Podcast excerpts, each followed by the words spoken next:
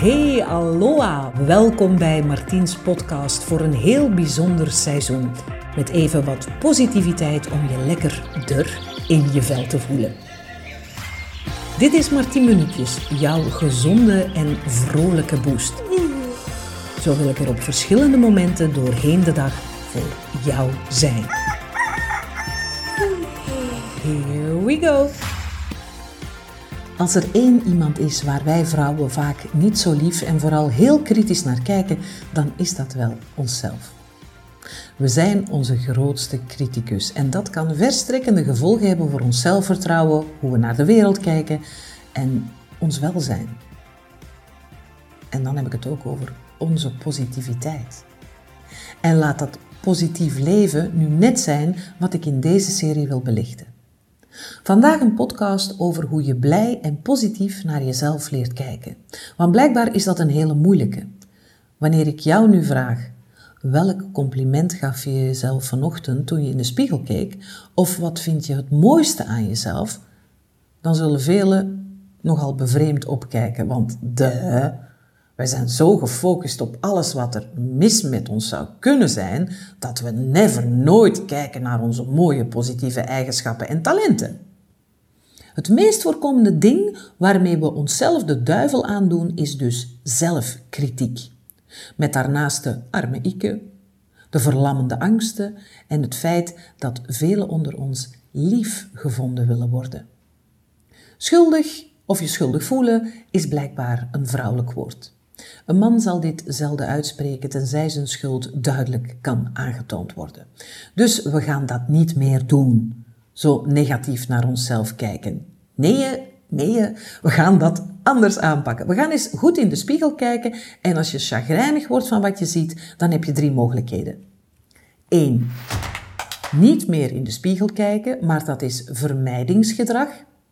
2 een andere spiegel kopen, maar dat lost niets op. 3. Je blik veranderen. En daarvoor moet je misschien leren om een knop om te zetten. En dat ga ik je in deze Martiens positieve minuutjes aanleren.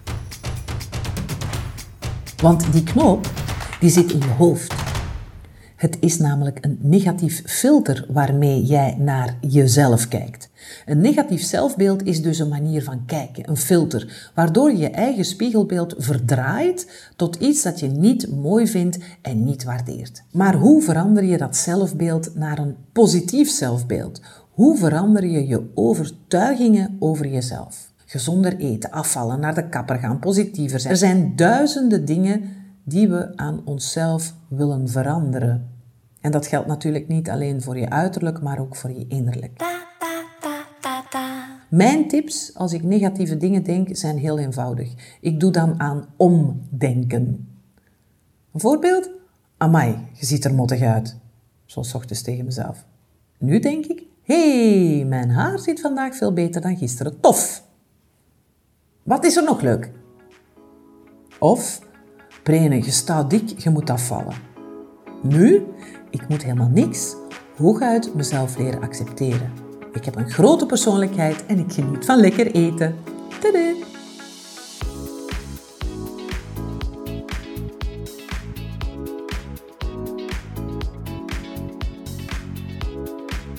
Nu kijk ik samen met jullie in de spiegel. Want er gebeurt natuurlijk veel meer als je in de spiegel kijkt dan alleen maar uw nieuwe outfit bewonderen. Je kan weer verwonderd en blij naar jezelf kijken door middel van spiegelwerk. Het doel van spiegelwerk is om je innerlijke criticus het zwijgen op te leggen, van jezelf te leren houden en te gaan geloven in de positieve affirmaties die je in de spiegel tegen jezelf zegt. Zoals alle goede gewoontes duurt het zo'n 21 dagen om zaadjes van zelfliefde in je hoofd te planten en van die positiviteit naar jezelf toe een gewoonte te maken. Feitelijk is in de spiegel kijken een echte confrontatie met jezelf en je emoties. En als we niet lekker in ons vel zitten, dan gaan we die emoties liever uit de weg. Versta me niet verkeerd, hè? ik heb ook heel lang spiegels vermeden. In de ballet, in de mode en de tv-wereld werd ik zo vaak met mijn tussen haakjes spiegel en beeld geconfronteerd en met veel kritiek, dat ik op een bepaald moment niet meer naar mezelf wilde kijken in de spiegel. Of zelfs naar mijn eigen tv-programma's. Daar wilde ik ook niet naar zien, want er was altijd wel iets wat ik niet mooi vond. Wat beter kon. Wat anders moest. Ja, zelfs met al die geweldige mensen om me heen die mijn make-up, mijn styling en mijn haar mooi deden, zat mijn zelfvertrouwen in het keldergat. Dat was natuurlijk onzin, maar zo voelde het en zo zag ik dat toen en zo zou het altijd zijn, dacht ik. Dankzij de mensen om me heen en de lessen die ik volgde tijdens mijn opleiding over zelfzorg, begon dat negatieve beeld te kantelen. Vele vrouwencirkels, lessen over zelfzorg en de basis van psychologie leerden mij namelijk stil te staan bij de vraag: hoe fijn zou het zijn als ik anders naar mezelf zou kunnen kijken? En door spiegelwerk ga je als het ware een gesprek met jezelf aan. Het is een manier om meer bewust te worden van wat er door je heen gaat, wat je van jezelf vindt en tegen jezelf zegt. En hierdoor ontstaat stap voor stap een ander zelfbeeld, want spiegelwerk helpt je om minder hard tegen jezelf te zijn. Het geeft je ook een realistischer beeld. De spiegel weerspiegelt gevoelens die je over jezelf hebt. Het maakt je ook direct bewust waar je tegenstand of weerstand tegen hebt en waar je voor open staat. Hoe je dat doet? Nou, stap voor stap ga je nu de relatie met jezelf verbeteren en van jezelf leren houden en anders naar de wereld om je heen kijken door positief tegen jezelf te praten. En bewust het verhaal te veranderen dat je steeds tegen jezelf vertelt. En dat verandert dan jouw denken en jouw piekergedachten. En dan geeft spiegelwerk je uiteindelijk minder angst, meer eigenwaarde en ja, bakken zelfvertrouwen. Nu, een hele belangrijke voetnoot bij spiegelwerk is oefening baart kunst. Spiegelwerk kan een krachtig effect hebben als je het sowieso de eerste maand dagelijks doet. Neem dus vijf minuten de tijd om bewust naar jezelf te kijken en ik weet het, dat voelt in het begin heel raar, maar naarmate de tijd verstrijkt wordt het steeds plezieriger en makkelijker. Het stappenplan voor meer zelfliefde via spiegelwerk gaat zo. Stap 1. Je gaat voor routine. Dus doe je spiegelwerk op een vast moment van de dag. Bijvoorbeeld s ochtends. Dan doe ik het ook. Stap 2. Ga voor de spiegel staan of zitten en kijk bewust naar jezelf. Spreek zoveel mogelijk positieve dingen uit tegen jezelf.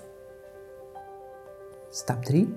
Je kan die mooie dingen of positieve quotes of affirmaties je mag het noemen zoals je wil. Je kan die ook opschrijven op bijvoorbeeld post-its en ze regelmatig oplezen. Plak die post-its dan bijvoorbeeld op de spiegel. Of schrijf iets liefs aan jezelf op de spiegel en lees dat voor.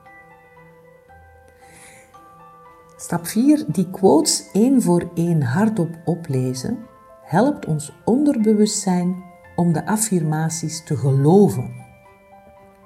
En dat zorgt al na een paar dagen voor een positiever gevoel en meer zelfvertrouwen. Echt waar. Die affirmaties die je kiest, dat is een belangrijke factor. Dus je wil er een paar kiezen die echt speciaal bij jou passen. Ik denk misschien aan deze. Ehm, je kan ze rustig op jou laten inwerken en je kan helemaal zelf kiezen hè, wat je voor affirmaties doet. Ik heb bijvoorbeeld, uh, uh, ik zie er fantastisch uit. Of mijn zelfvertrouwen is hoog. Of ik hou van wie ik ben. Of ik ben sterk. Of ik heb alle kwaliteiten om succesvol te zijn in alles wat ik doe.